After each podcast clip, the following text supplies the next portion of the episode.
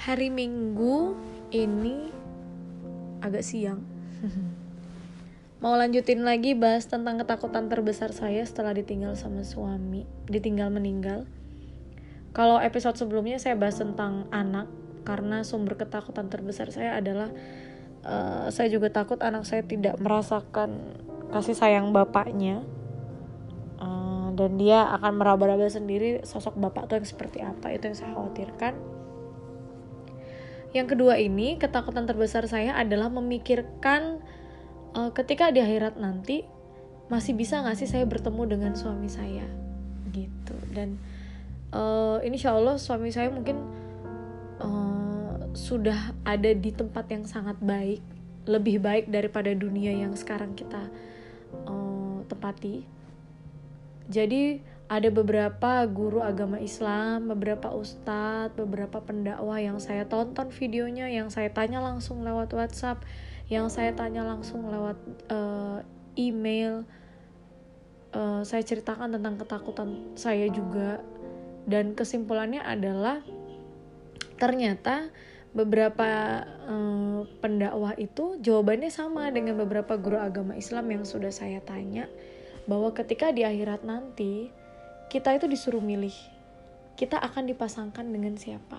Nah ada satu ustadz yang saya ikuti banget. Itu namanya Ustadz Umar Mita. Kalau nggak salah Ustadz Umar Mita. Jadi uh, dakwahnya dia yang di YouTube itu semuanya hampir semuanya itu tentang kehidupan kita uh, sebelum kematian dan setelah kematian. Kemudian bagaimana amalan-amalan kita uh, itu mencerminkan bagaimana uh, apa namanya bagaimana uh, jelang sakaratul maut kita. Ibaratnya gitu dia banyak beliau tuh banyak sekali menceritakan tentang kematian. Jadi uh, ada di YouTube di akun YouTube-nya beliau itu membahas tentang apa sih yang akan dilakukan manusia ketika dia uh, ditempatkan di surga. Jadi katanya manusia itu nantinya ya hidup seperti biasa kayak kita di dunia. Tapi kalau kita di dunia disibukkan dengan eh, kegiatan-kegiatan dan pekerjaan-pekerjaan mengejar dunia, maka kalau nanti sudah di surga, kerjaan kita tuh akan cuman duduk aja gitu berdua dengan orang yang sudah kita pilih untuk dipasangkan uh, di akhirat gitu di surga misalnya gitu. Jadi di akhirat itu kan sifatnya dia kekal, tidak seperti di dunia. Di dunia itu tidak ada yang abadi. Kalau di akhirat itu pasti dia kekal. Nah, uh, anggaplah suami saya udah nih, udah uh, suami saya udah meninggal, dia sudah ada di dimensi lain. Anggaplah suami saya insya Allah ada di surga. Kemudian dia butuh ber, ber beberapa tahun menunggu saya untuk bisa menghampiri dia di surga misalnya. Nah, ketika saya misalnya saya meninggal kemudian saya mau dimasukkan ke dimensi di mana ada suami saya di situ maka malaikat itu akan bertanya. Allah juga akan bertanya e, kamu mau dipasangkan dengan siapa? Gitu. Anggaplah saya sudah meninggal dan saya ditanya itu oleh Allah dan juga malaikat. Kamu mau dipasangkan sama siapa kalau misalnya saya memilih saya ingin dipasangkan dengan suami saya, ayah dari anak saya yang bernama Fulan bin Fulan, maka ya sudah Allah akan mempertemukan saya dengan suami saya di surga nanti. Nah, terus kerjaannya apa di surga? Nah, kalau dari Ustadz Umar Mita sih uh, menyebutkan bahwa kerjaan kita nanti di surga itu cuma duduk aja ngobrol berdua sama suami ya kita pasti akan ada ibadahnya tapi kegiatan lainnya tidak disibukkan dengan uh, suami saya kerja di mana di akhirat sana saya juga kerja di mana enggak. Tidak ada lagi urusan duniawi yang masuk di uh, kehidupan di akhirat gitu. Jadi ya cuma duduk berdua.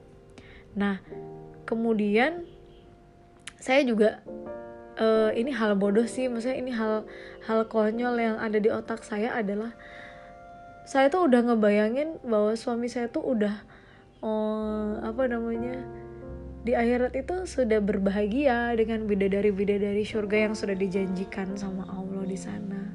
Tapi ternyata saya uh, cari tahu lagi di YouTube-nya Ustadz Umar Mita dan beberapa ustadz-ustadz yang saya kenal, saya WhatsApp dan ternyata semua informasinya sama bahwa nggak usah cemburu gitu loh dengan bidadari bidadari surga kalau pasangan kita sudah ada di akhirat sana. Sedangkan kita masih di dunia gitu. Dan kita juga di dunia ini sedang menunggu kapan kita matinya kapan ajal kita uh, mungkin suami kita sudah ditemani bidadari bidadari surga yang di sana tapi mereka tidak punya riwayat cerita yang sangat indah gitu di dunia. Bidadari ini kan tidak hidup bersama dengan suami kita eh, dengan suami saya ketika di dunia. Jadi ya wallahu alam mereka tidak melakukan hal-hal uh, mereka tidak punya riwayat atau tidak punya histori yang kenangan kenangan-kenangan indah saat di dunia gitu. Tapi ketika nanti saya misalnya meninggal kemudian saya minta dipasangkan oleh suami saya di akhirat di kemudian kita duduk berdua di surga itu adalah sesuatu yang luar biasa indahnya. Kenapa? Karena kenangan-kenangan di dunia itu akan terbawa saat di uh, surga nanti uh, kita akan ketemu dengan pasangan kita di surga ya udah ngalor ngidul pokoknya setiap hari ngobrol bahas tentang masa-masa kita di dunia gitu ibaratnya uh, kita nih punya kenangan yang banyak gitu loh dengan pasangan kita yang sudah meninggal duluan. Kalau bidadari bidadari kan tugasnya hanya menemani. Mau cerita apa pun bidadari bidadari ini tidak punya histori yang uh, sama seperti pasangannya dia di dunia gitu. Jadi uh, ini tuh hal-hal yang ini tuh sempat membuat saya uh, iri gitu dalam arti Hmm, aku juga pengen nyusul suami saya lebih dulu gitu tapi ketika saya sempat ngomong kayak gitu saya langsung istighfar banyak-banyak karena saya ingat saya masih punya anak masih kecil. Saya harus membesarkan kita harus sama-sama di dunia kita berjuang untuk bisa ketemu dengan ayah di surga. Gimana pun caranya kita harus ketemu di surga. Itu sih. Jadi um, dua hal ini uh, ketakutan terbesar pertama saya dan yang barusan saya ceritakan ini udah sempat bikin saya itu mendem aja di rumah mendem di kamar. Terus saya mencari tahu. Pokoknya saya jadi orang yang parnoan jadi yang posesif. Kemudian saya nggak mau suami saya jatuh di tangan bidadari bidadari itu. Tuh sempet hal-hal konyol kayak gitu tuh ada di pikiran saya ada di hati saya juga. Tapi semenjak nonton uh, YouTube-nya Ustadz Umar Minta tuh akhirnya saya lebih ikhlas lebih nerimo bahwa oh saya sama anak saya harus berjuang gimana caranya saya harus kita harus ketemu dengan uh, ayahnya anak saya ini di surga. Nanti kita ngobrol banyak tentang dunia. Nanti kita ah baik banget deh. Pokoknya cita-cita saya udah bukan cita-cita yang ketinggian banget. Kalau di dunia mah cita-citanya yang penting anak saya mah uh, punya adab yang baik. Kemudian ya selayaknya orang tua ya mimpinya untuk anaknya tuh apa ya seperti itu.